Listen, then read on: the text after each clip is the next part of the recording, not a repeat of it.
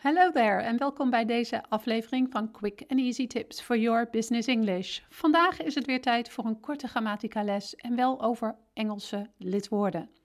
Mijn naam is Anneke Drijver van Improve Your Business English en de auteur van het boek Master Your Business English: Communicate with Power in 7 Simple Steps.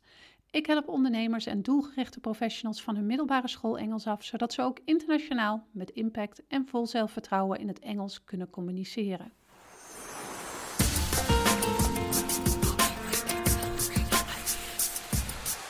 Lidwoorden lijken heel makkelijk, maar zijn juist daarom een valkuil. Hierdoor wordt het namelijk snel vergeten om er aandacht aan te besteden en gaat het toch fout omdat er onvoldoende kennis over is. Want eigenlijk zijn lidwoorden best ingewikkeld. En dan niet per se de lidwoorden zelf, maar alle taalregels eromheen, zoals wanneer je welk lidwoord wel of niet gebruikt. Hoe leer je het gebruik van Engelse lidwoorden nu het beste? We beginnen bij de basis. Lidwoorden zijn woorden die je voor zelfstandige naamwoorden zet. Zelfstandige naamwoorden zijn dieren, mensen, plaatsen of voorwerpen. De Nederlandse lidwoorden zijn de, het en een. In het Engels zijn er vier opties voor lidwoorden: a, an, the en niets. Dat we in dit geval even de nul-optie en betekent dat je te maken hebt met een zelfstandig naamwoord waar je geen lidwoord voor hoeft te zetten. Hoewel het maar korte woordjes zijn, kunnen lidwoorden toch heel belangrijk zijn. Ze geven bijvoorbeeld een onderscheid aan tussen nieuwe en oude informatie, tussen algemene en specifieke informatie en nog veel meer.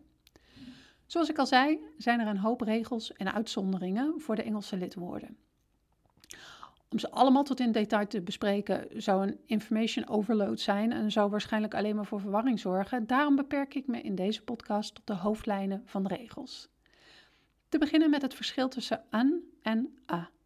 Of je an of a gebruikt, heeft te maken met het woord dat erop volgt. Als het volgende woord begint met een medeklinker klank, het gaat dus om de klank, gebruik je a. Het is dus a book, a house. Maar ook als het woord geschreven is met een klinker, maar je deze uitspreekt als een medeklinker, zoals bijvoorbeeld bij university, gebruik je a. Het is dus a university. En als het woord dan begint met een klinkerklank, gebruik je an. An orange, an apple. En uiteraard geldt hier de tegenovergestelde regel. Is de eerste letter van het woord een medeklinker die klinkt als een klinker, zoals in hour, het Engelse woord voor uur dat met een H begint, dan gebruik je ook an. An hour. Dit is het enige verschil tussen a en an. De twee woorden worden verder in precies dezelfde gevallen gebruikt en dat is in de volgende vier situaties. Situatie 1. Als je voor de eerste keer in een verhaal naar een zelfstandig naamwoord verwijst. Als je verderop in een verhaal naar hetzelfde zelfstandig naamwoord verwijst, gebruik je the. Klinkt dat vaag? Ik zal het verduidelijken met een voorbeeld. Yesterday I saw a new product in the store.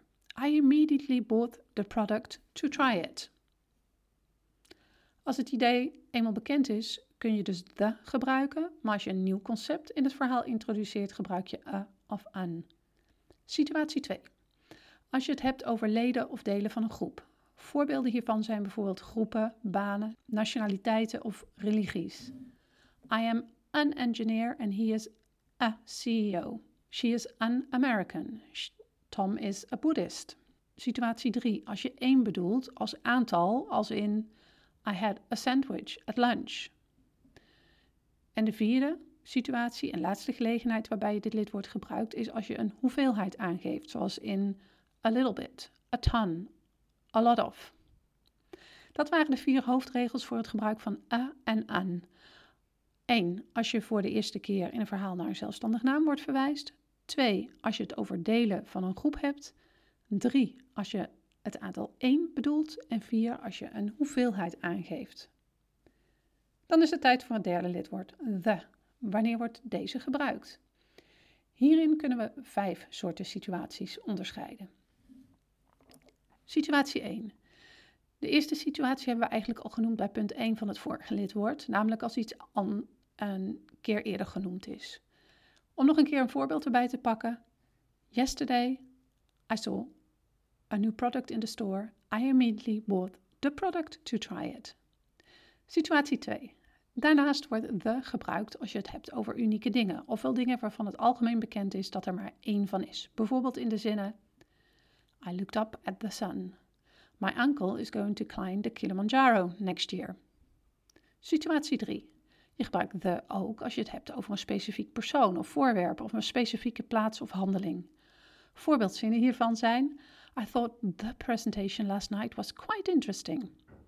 Hierbij heb je het niet over zomaar een presentatie, maar specifiek de presentatie die de voorafgaande avond gegeven werd. The neighbor at the end of the street has a new car and it looks very expensive. Hierbij gaat het niet om een willekeurige buurman, maar specifiek over de buurman aan het einde van de straat. Situatie 4. Ook gebruik je the bij rangtelwoorden en superlatieven. The first, the second, the best, the greatest, the fast. Situatie 5. Sommige uitdrukkingen zijn gewoon vaste combinaties met het lidwoord the, zoals in the Netherlands of the Pacific Ocean. Dat waren de vijf situaties waarin je the gebruikt. 1. Als je het hebt over iets dat al eerder genoemd is. 2. Als je het hebt over dingen waarvan er maar één is. 3. Als je het hebt over iets specifieks. Situatie 4 bij rangtelwoorden en superlatieven. En 5 in vaste uitdrukkingen.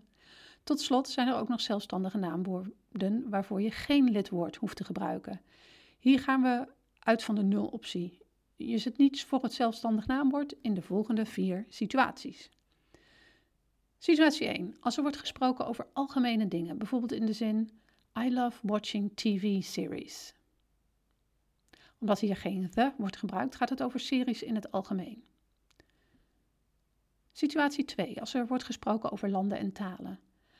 Ever visited France? I haven't, but I love French.